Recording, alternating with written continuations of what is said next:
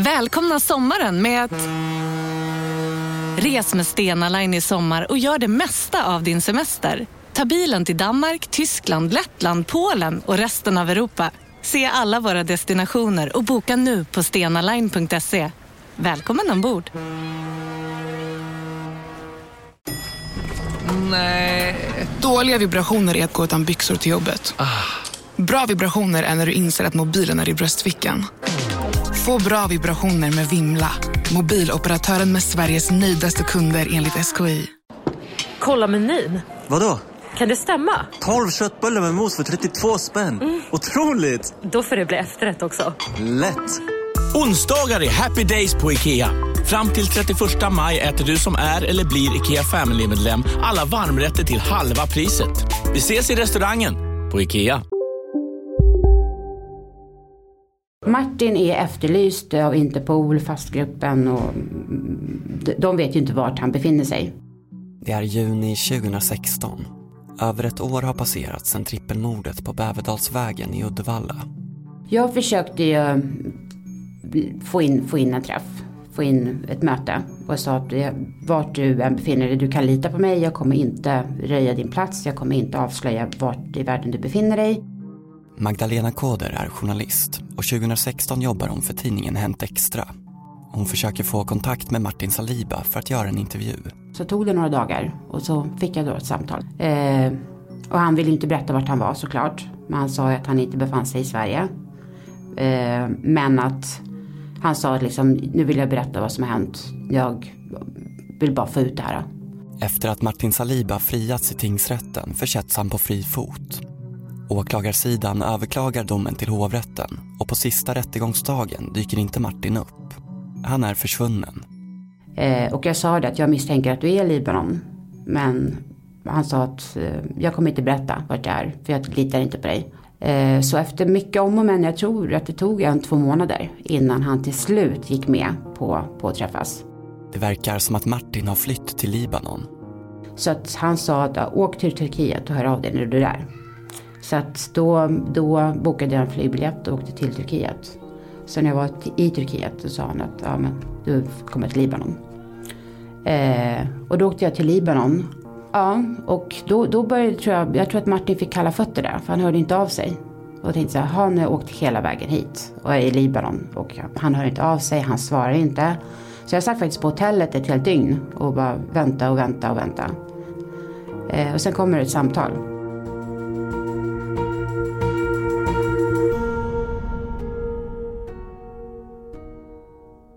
Mitt namn är Karl Fridsjö och du lyssnar på en mörk historia om trippelmordet i Uddevalla. En dokumentär av Mårten Trofast. Sista delen, Flykten. Analysen brast i tingsrättens dom och det är klart att vi var ju beredda på att det skulle kunna ske för det, det här det är alltid det är svårt. I mars 2015 hittas tre personer ihjälskjutna på Bäverdalsvägen i Uddevalla. Offren är Ala Faraj, Rawand Aziz och Ravands 18-åriga flickvän. Bröderna Mark och Martin Saliba åtalas för morden. Mark döms i tingsrätten till livstidsfängelse för trippelmordet medan hans ett år yngre bror Martin frias helt. Vi har åklagare Per-Erik Rinsell. Det ska vara svårt att få fällande dom i sådana här ärenden. Men vi tyckte inte att tingsrättens domskäl övertygade, det tyckte jag inte. Eh, så därför kände vi att här finns ändå skäl att klaga till hovrätten. Här finns goda grunder att tro att det ska bli en ändring. Ja, inför hovrätten så gjorde vi tog egentligen bara in en ny grej och det som blev lite, lite omdiskuterad. Det trodde vi inte att den skulle bli för jag tyckte det var ganska okontroversiellt. Inför hovrättsförhandlingarna har åklagare Rinsell egentligen bara lagt fram ett nytt bevis. Det handlar om hur snabbt Martin kan ha sprungit på mordnatten från Williams bostad till Bäverdalsvägen. Rättegången mot Martin ska handla om tid och det är frågan om några få sekunder som ska avgöra Martins öde. Martins berättelse ju går ut på att han inte är vid platsen i samband med skotten. Vi hör Martins advokat Björn Hurtig. Det går ut på att han har, inte, att han har kommit till Williams och satt sig på position utanför Williams bostad tidigare. På kvällen den 6 mars får bröderna, enligt Martin, reda på att någon har rånat deras pappa. Martin påstår att man misstänker en person som vi kallar William för att ha utfört rånet. Bröderna planerar att konfrontera William och Martin sätter sig utanför hans bostad runt ett-tiden på natten. Han sitter där uppe och han hör motorcykeln komma åkande. Och efter en stund så hör han en bil. Eh, och så hör han då skott. Och när han hör skotten då springer han omedelbart dit där, där han har hört skotten ifrån. Därför han undrar vad som har hänt och hans bror är där nere. När han kommer fram då, säger han, så är Mark där. Och Mark är liksom lite chockad och, och upprörd. Och, och, man sätter sig på eh, moppen. Mark kör. Och Mark kör en annan väg därifrån när han kom dit. Martin menar att han springer från positionen utanför Williams bostad när han hör det första skottet ner till Bäverdalsvägen där morden sker. En sträcka på 165 meter. Och att han därmed anländer till mordplatsen först efter att skotten avlossats. Men det finns ett vittne som ser hur två personer hoppar upp på en moped och kör iväg cirka 10 sekunder efter det sista skottet. Om det stämmer att Martin kommit till platsen efter skotten är det då möjligt för honom att vara vid mopeden 10 sekunder efter sista skottet. Men jag bad en polisman eh, gå med en kamera. Åklagare Rinsell igen. Lugnt och stilla i dagsljus gå den sträckan som Mark påstod att han hade sprungit, Martin hade påstått att han hade sprungit på natten. Och det är därför att man skulle förstå hur det såg ut. Vad, vad som skulle krävas för att springa där på natten. Sträckan som Martin ska ha sprungit är ganska exakt 165 meter. Om man ska hinna fram till mopeden 10 sekunder efter sista skottet måste han ta sträckan på 15-20 sekunder. För åklagarsidan blir det viktigt att bevisa att detta inte är möjligt. Frågan kom ju från flera. Varför sprang inte polisman? I den nya bevisningen som ska få Martin fälld har åklagarsidan valt att inte springa sträckan. Ja, därför det var inte syftet. Syftet var inte att visa hur fort man kan springa eller inte. Utan syftet var ju för att visa sträckan bara. Så att man skulle förstå hur det såg ut. Åklagarsidan menar istället att filmen är tillräcklig för att förstå att det inte är möjligt att hinna springa den sträcka som Martin påstår sig ha gjort på så kort tid. Det blev lite tjafs om det. Den tillkommande bevisningen i hovrätten det var att man hade gått och filmat sträckan som Martin ska ha sprungit va? Advokat Björn Hurtig igen. Den tycker inte jag var sådär jättestark av det skälet att man sprang ju inte det på det sätt som man gör, tror jag, med andan i halsen. Försvarssidan tycker att det är märkligt att åklagarsidan inte har sprungit sträckan.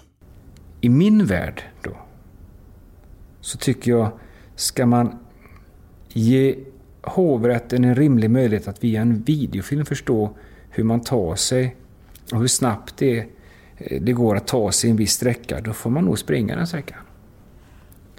Eftersom det är det Martin har gjort. För försvarssidan blir det istället viktigt att bevisa att det går att springa sträckan på den tid som Martin påstår att han gjort. Vi gick också sträckan.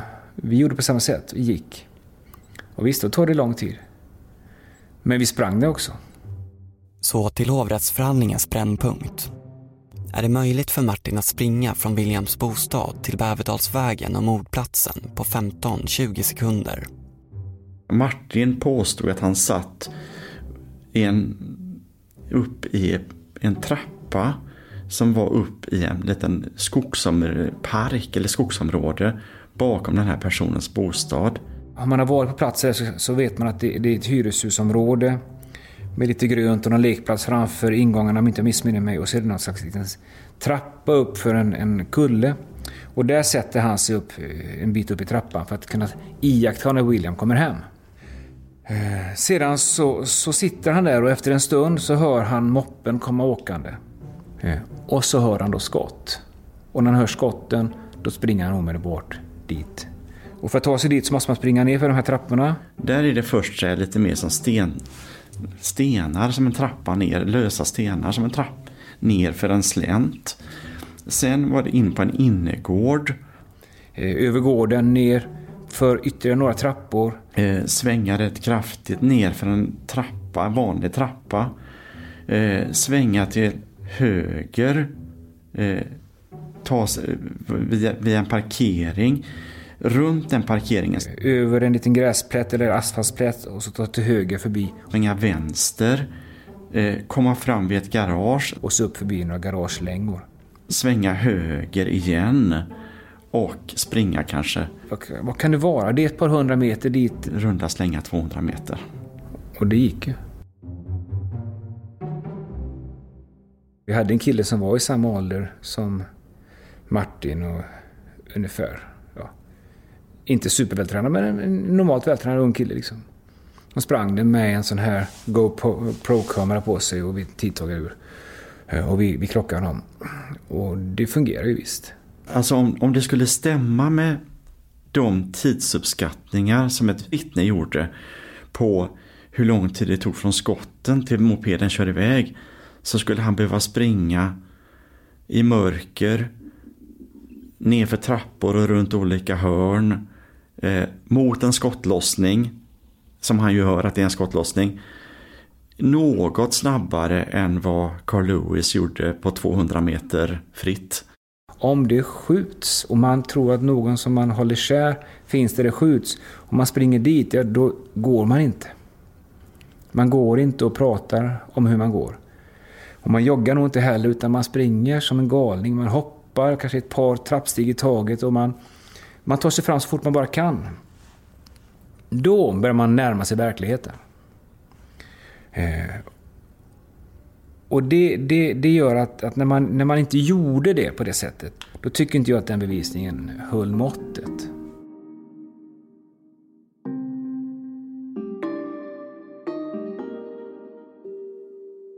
Det är den 11 januari 2016, sista rättegångsdagen i hovrätten.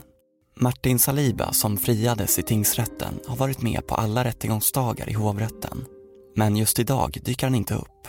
Och det här var väl något som vi också kanske var i viss mån förberedda på att det skulle kunna ske. Men vi trodde nog att han kanske skulle i så fall lämna efter rättegången och inte innan sista rättegångsdagen, som han gjorde. Martin Saliba är enligt sin advokat sjuk och kan inte vara med. Så att sista rättegångsdagen så kommer inte Martin. Men hovrätten eh, bara frågar parterna om det någonstans ser något hinder mot att fortsätta. Nej, det var ingen som gjorde det. Då fortsätter vi. Varsågoda. Och så pläderade vi. Förhandlingen fortsätter utan Martin Saliba. Utöver den inspelade videofilmen över den sträcka som Martin påstår sig ha sprungit har åklagarsidan ingen ny bevisning. Istället handlar det om att lägga fram gamla bevis på ett sätt som gör att hovrätten dömer annorlunda.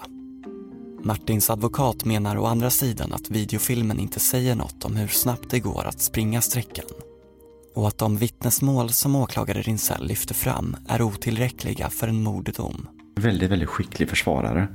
Så efter, efter hans plädering så tänkte jag väl kanske att ja, ja, nu har vi försökt. Det kommer inte att gå.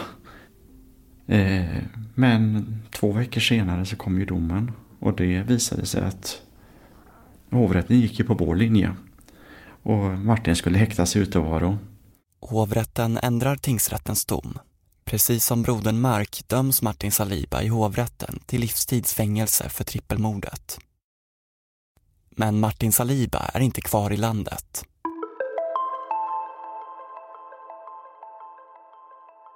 Direkt så smäller vi ju på och efterlyser honom internationellt och allt möjligt.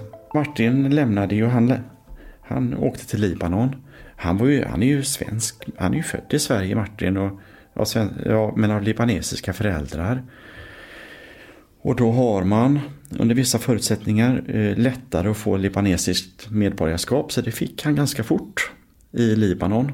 Ja, vi, vi begärde ju honom utlämnad men fick svar att de lämnar inte ut sina egna medborgare och det undertecknat av alla möjliga potentater i Libanon.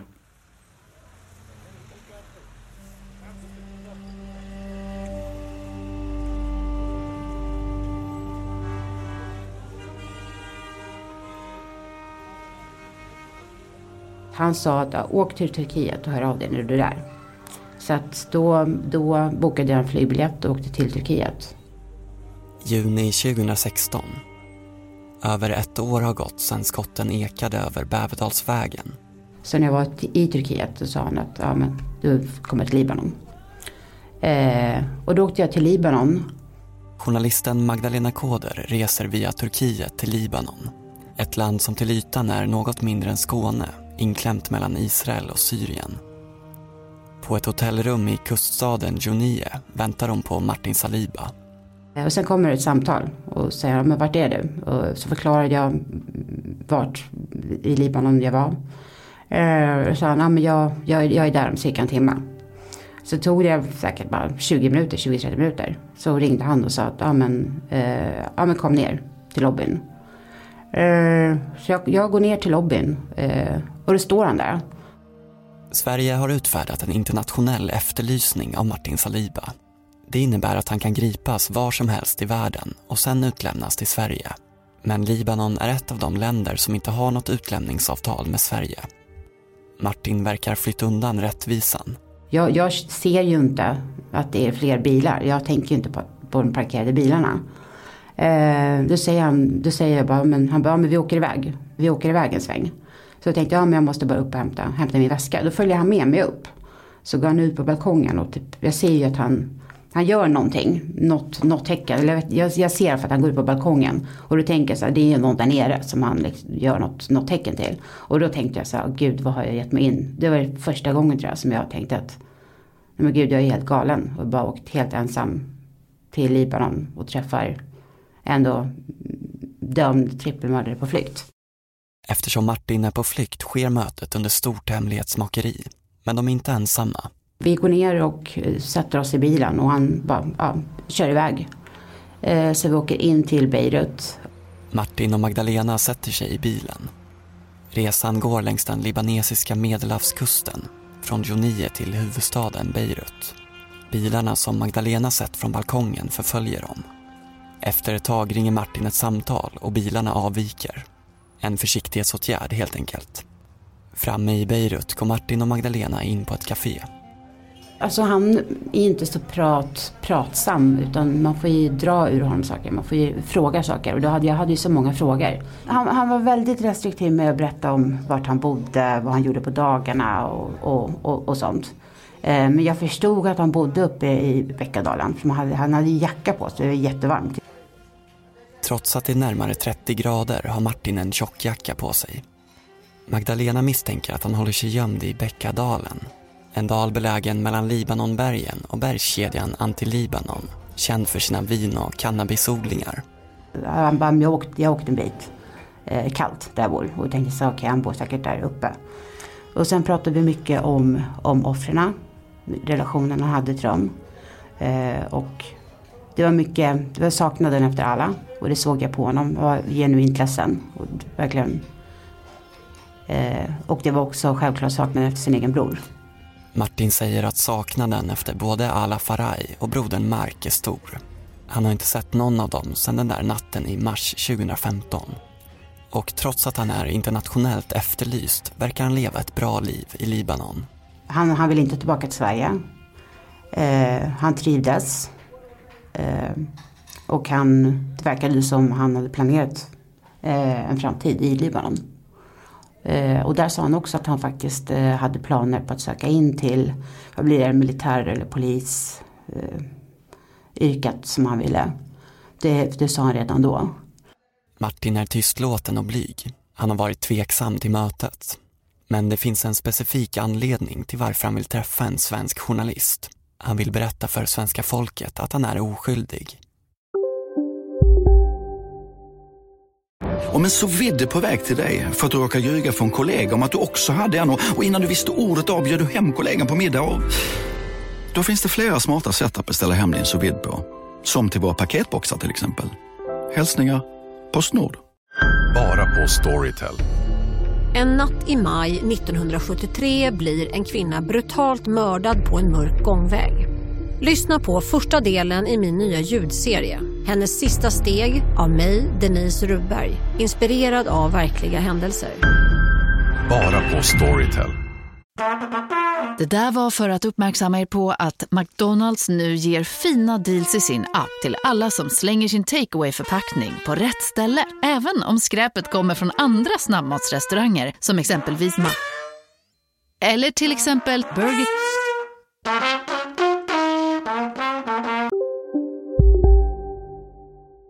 Så att man fick ju se en annan bild. Nu fick man ju se person bakom Martin då. Och det var inte alls den personen jag trodde. Det var ju liksom, för mig var det en, en väldigt ödmjuk liten pojke. Det var ju inte den här äh, man trodde, ja men det kändes inte som man satt framför en trippelmördare. Eh, och då sa han, det, det, det som framkom mest från första samtalet var att jag är oskyldig. Jag har inte skjutit någon. Knappt en månad senare publiceras intervjun med Martin Saliba. Nyheten om att den dömde trippelmördaren saknar sina vänner, har flytt undan lagen och lever ett bra liv i Libanon blir en riksnyhet. Och anhöriga till offren känner avsmak. Jag hade inte förväntat mig att det skulle bli sån stor storm över det.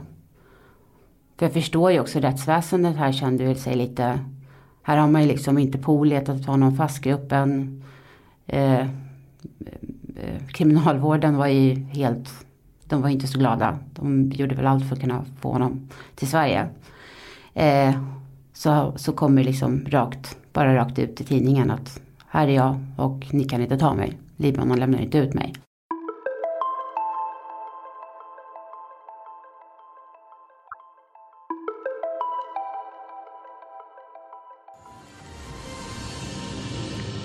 Ja, du tittar på Aftonbladet TV.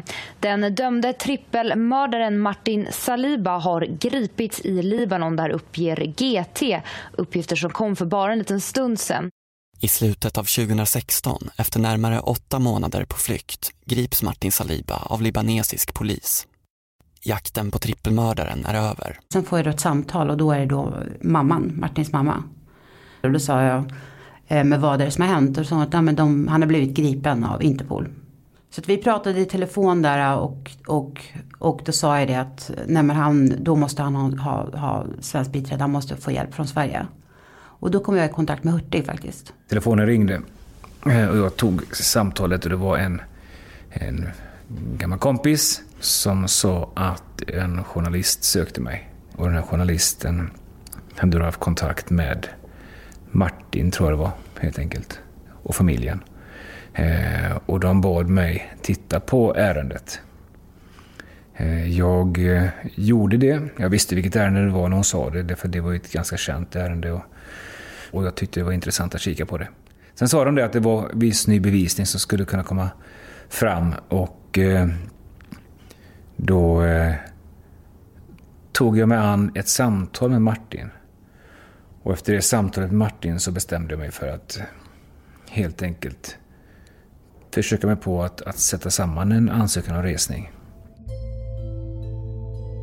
Samtidigt som rättsväsendet i Libanon inleder en egen utredning mot Martin gällande trippelmordet i Sverige försöker Hurtig få Martins livstidsdom i Sverige prövad på nytt.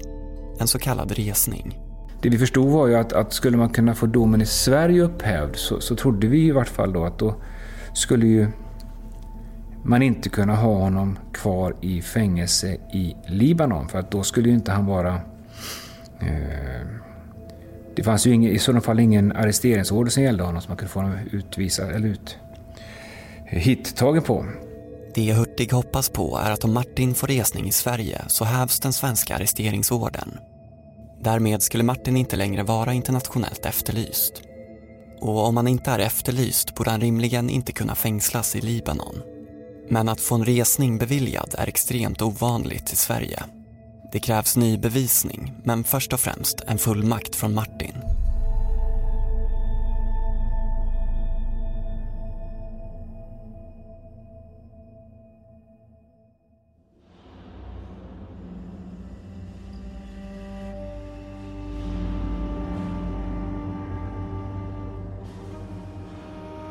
Det var också så en väldigt, väldigt eh, underliggande märklig upplevelse. I slutet av oktober 2016, bara några veckor efter att Martin blivit gripen, reser Magdalena Koder återigen ner till Beirut. Det är hon som ska försöka ordna fram den fullmakt som advokat Hurtig behöver. Det var ju en väldigt, väldigt konst, konstig, man kände sig väldigt så utsatt. Så kommer in och så var det en mörk liten gränd. Martin Saliba sitter nu i libanesiskt häkte i väntan på en eventuell rättegång. Man går liksom ner för en trappa helt, helt mörkt mitt på dagen då. Eh, och står ju någon där eh, med en militärpolis då med alltså fullmedel med vapen. Alltså, vem, vem, vem du ska träffa? Säger så här, ja, eh, Martin Saliba. Så ropar han så här, Saliba. Och då är det, då sitter det, kanske jag vet inte hur många kvadrat det var men det var inte stort. Och där är det kanske tio personer. Eh, och då kommer han fram liksom mot stängslet. Och så det, det är ett stängsel och sen är det ett till stängsel. Och det var liksom ett litet, det var hemskt. Det var som en liten källarlokal liksom. Verkligen så omänskligt. Eh, så kommer han dit och då går jag fram där. Han får ju en chock. Han visste inte att jag var i Libanon. Och bara, nej men hej, du vet. Eh, så vi pratade ju svenska. Eh, och det gick ju inte för sig. Då var de ju helt, helt galna. Eh, där militären och, Så vi fick en minut innan de, innan de avbröt det. och att, nej, nu räcker det. Så jag hann ju bara fråga, jag hann ju bara säga liksom att jag eh, är i kontakt med en svensk advokat som kommer hjälpa dig med det här. Eh, vi be jag behöver en fullmakt från dig så att han kan, kan ta över det här. Eh, och det kunde jag inte ta på plats för det var ju därför tanken var ju det jag skulle få den här fullmakten. Men det gick ju inte de med på. Så att då vart jag utslängd lika fort där. Med hjälp av Martins libanesiska advokat lyckas Magdalena Koder till slut få en fullmakt från Martin som hon tar med sig hem till Sverige och ger till Björn Hurtig. Så där började jag, eh, Hurtigs arbete med fallet. Skulle man ha en chans att få resning över, överhuvudtaget här nu så gäller det att få en, en redogörelse från Mark. Eh, och se om den redogörelsen stämmer överens dels med Martins berättelse och dels då med utredningen som finns. Björn Hurtig tror inte riktigt på den berättelse som Mark Saliba lämnade vid rättegångsförhandlingarna i Sverige. Och för att få beviljat en resning blir det oerhört viktigt att se om Mark står fast vid sin berättelse eller om den låter annorlunda nu när han är dömd. Han satt då på Fenixavdelningen på Hall. Eh, och jag visste, för det var viktigt för mig, att han inte hade haft någon kontakt med Martin. Björn Hurtig beger sig till Södertälje och till anstalten Hall där Mark Saliba sitter. Han sitter på Fenixavdelningen, ett slags fängelse inuti fängelset. En säkerhetsavdelning för de allra farligaste fångarna. När man sitter på Fenixavdelningen så är man rigoröst bevakad. Eh, man får bara prata med vissa utvalda människor och eh, man, de har liksom koll på vilka som pratar. Han har inte kunnat prata med Martin. Eh, och han hade suttit med restriktioner tidigare och sådär så att... Och han gick från häkte direkt in i, i fängelse. Eh, den berättelse han lämnade gick ju i mångt och mycket ihop med den berättelse som eh, Martin sa. Alltså lämnade. Eh, och det var det viktiga för mig. Advokat Hurtig menar att brödernas historier stämmer överens trots att de inte kunnat ha kontakt. Det blir viktigt eftersom Mark nu plötsligt helt ändrar sin historia. Han säger att det är han som håller i pistolerna och inte Martin. Så för Martins del är det helt fel. Han säger också att Martin inte är där när det sker. Inte nog med det, han berättade också att han hade gett eh, alla ett vapen. Och det var också av intresse därför att det, det var intressant att veta varför det fanns två vapen på platsen. Även nu inte Martin har varit där, varför skulle överhuvudtaget Mark ha behövt två vapen? Man tänkte skjuta själv, det var inte tanken. Tanken var att man skulle ha med sig två vapen för att hota med. Marks nya berättelse går ut på att han först hämtar Ala Faraj och att de sen tillsammans beger sig till Bäverdalsvägen dit Rawan Aziz kommer till fots. Han berättar att eh, när Rawan kommer gående så säger Rawan någonting i stil med att eh, vem är det som har rånat eran pappa eller någonting sådant. Och det var ju det här rånet som, som, som var utlösande faktorn. Motivet till att Mark beordrar Rawan till att komma till platsen beror på att Mark misstänker Rawan för att ha rånat deras pappa. Det här går helt på tvärs med vad Mark tidigare berättat.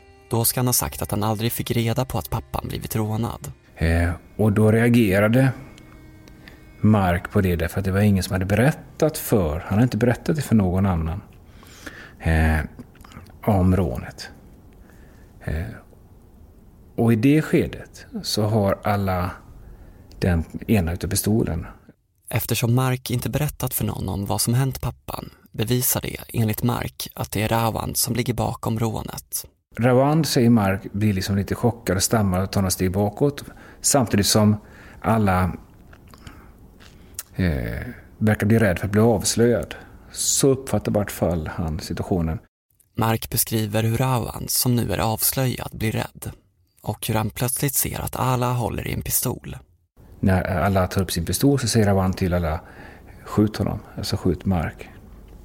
Vilket då alla försöker göra och så klickar vapnet. Eh, och då skjuter Mark alla. Eh, och sedan skjuter han Ravand. Och i, efter en stund så, när det här har skett, så blir Mark panikslagen. Så han bestämmer sig för att springa till den plats där, där Martin är, alltså utanför Williams bostad. Efter att Mark skjutit ihjäl både Ala och Rawand springer han därifrån.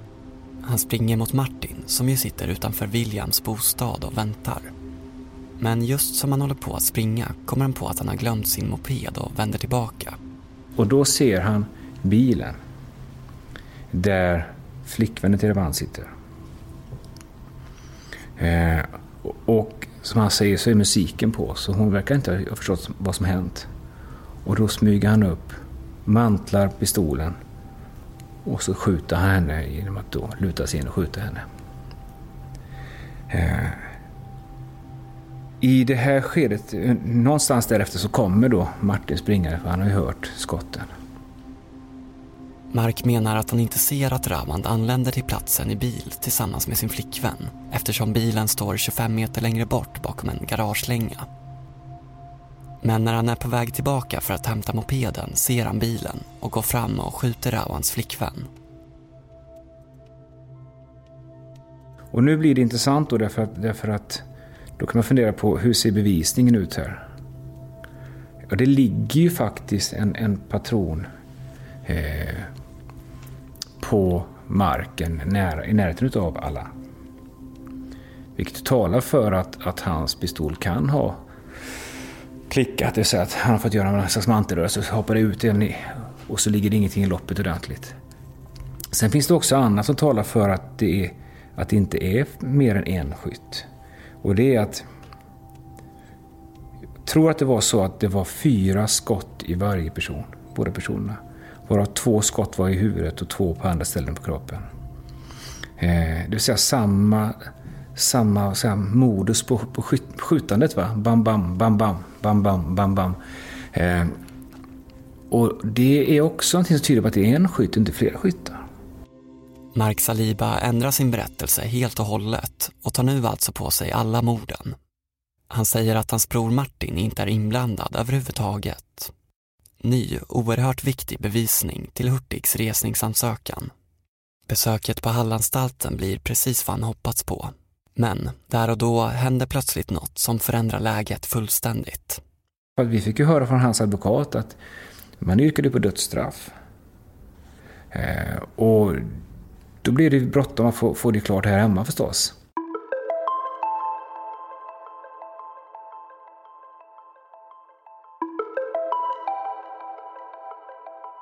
Tre år har gått sedan skotten på Bäverdalsvägen. Utredningen i Libanon är klar. Martin Saliba som har suttit i libanesiskt häkte i närmare ett och ett halvt år står åtalad för mord. Åklagaren yrkar på dödsstraff och i mars 2018 inleds rättegången. Men jag åker när Martin har sin, eh, en av sina flera rättegångar i Libanon. Eh, så åker jag faktiskt ner dit med, tillsammans med, eh, med hans mamma. Eh, och det var ju inte alls som jag hade förväntat mig. Jag har ju bevakat många rättegångar här i Sverige. Så det var ju något, det är helt annan upplevelse i Libanon. Man kommer in i en rättssal och det är bara militärer beväpnade som står där. Eh, och så är det som en liten bur. Där 10-15 personer trängs. Eh, och där såg jag då Martin. Samtidigt som Martin ställs inför rätta i Libanon hinner Björn Hurtig precis bli klar med sin resningsansökan som han lämnar till Högsta domstolen. Rättegången mot Martin i Libanon tar tid. likaså svaret från Högsta domstolen.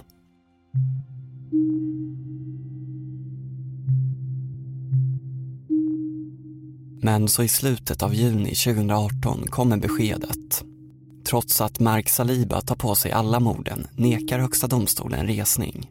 Man menar att bevisen inte är tillräckliga. Nästan samtidigt avslutas rättegångsförhandlingarna i Libanon. I oktober 2018 kommer till slut domen. Och då kom ju då kom, kom domen att han, att han blivit dömd då till döden i Libanon. Och eftersom Libanon inte verkställer dödsstraff längre så omvandlas ju straffet till livstids straffarbete. Men i Libanon så, att livstid där är livstid, där kommer det ut i en kista. Tre och ett halvt år efter trippelmordet på Bäverdalsvägen i Uddevalla döms Martin Saliba av libanesisk domstol till döden. Ett straff som omvandlas till livstids straffarbete eftersom Libanon inte längre verkställer dödsstraff. Martins försök att fly undan rättvisan landade honom till slut bakom galler i Libanons största fängelse, Romie. Så det var ett väldigt bakslag eh, för Martin. Där tror jag att han gav upp lite och kände att nej, det, det, slut, det slutar här. Varför bröderna misstänkte sina barndomsvänner Ala Faraj och Rawan Aziz för att ha rånat deras far är fortfarande oklart. Och kanske är det egentliga motivet något helt annat. Att Martin frias i tingsrätten men döms i hovrätten på i princip samma underlag kan tyckas märkligt. Frågan är, är rättvisan bara ett enda stort lotteri? Jag kan säga att jag vänder mig starkt mot din beskrivning av det som ett lotteri. Det är ju så här att vi har ju inte ett system där man om det är nästan bevisat så får man ett halvsträngt straff. Utan det är ju så att antingen får man döms man för brottet och då får man ett straff för det och det kan ju vara väldigt strängt eller också frias man för brottet och då är, det, då är man helt frikänd. Vi förhandlar ju inte om alternativ, men lite mindre allvarliga brott, att man ska in på några år kanske så, så gör ju vi inte. Om någon part tycker att tingsrätten har gjort en felaktig bedömning och jag tyckte, vi tyckte ju det i det här fallet att tingsrätten hade gjort en felaktig bedömning då har man ju rätt att klaga för att få en förnyad prövning. Det är inte ett lotteri utan det är rättssäkerhet.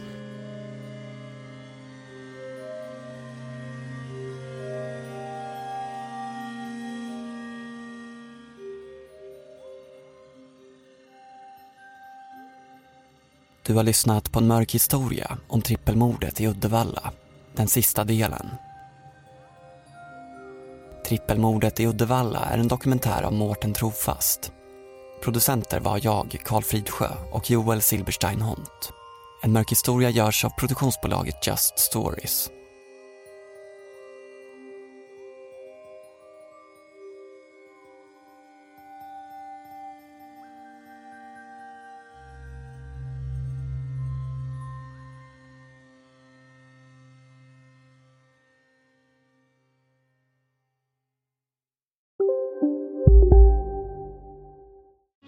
Hej, Susanne Axel här. När du gör som jag och listar dig på en av Krys vårdcentraler får du en fast läkarkontakt som kan din sjukdomshistoria.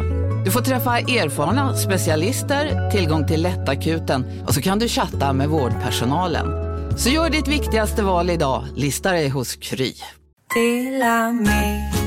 Hej! Är du en av dem som tycker om att dela saker med andra? Då kommer dina öron att gilla det här. Hos Telenor kan man dela mobilabonnemang. Ju fler ni är, desto billigare blir det. Skaffa Telenor familj med upp till sju extra användare.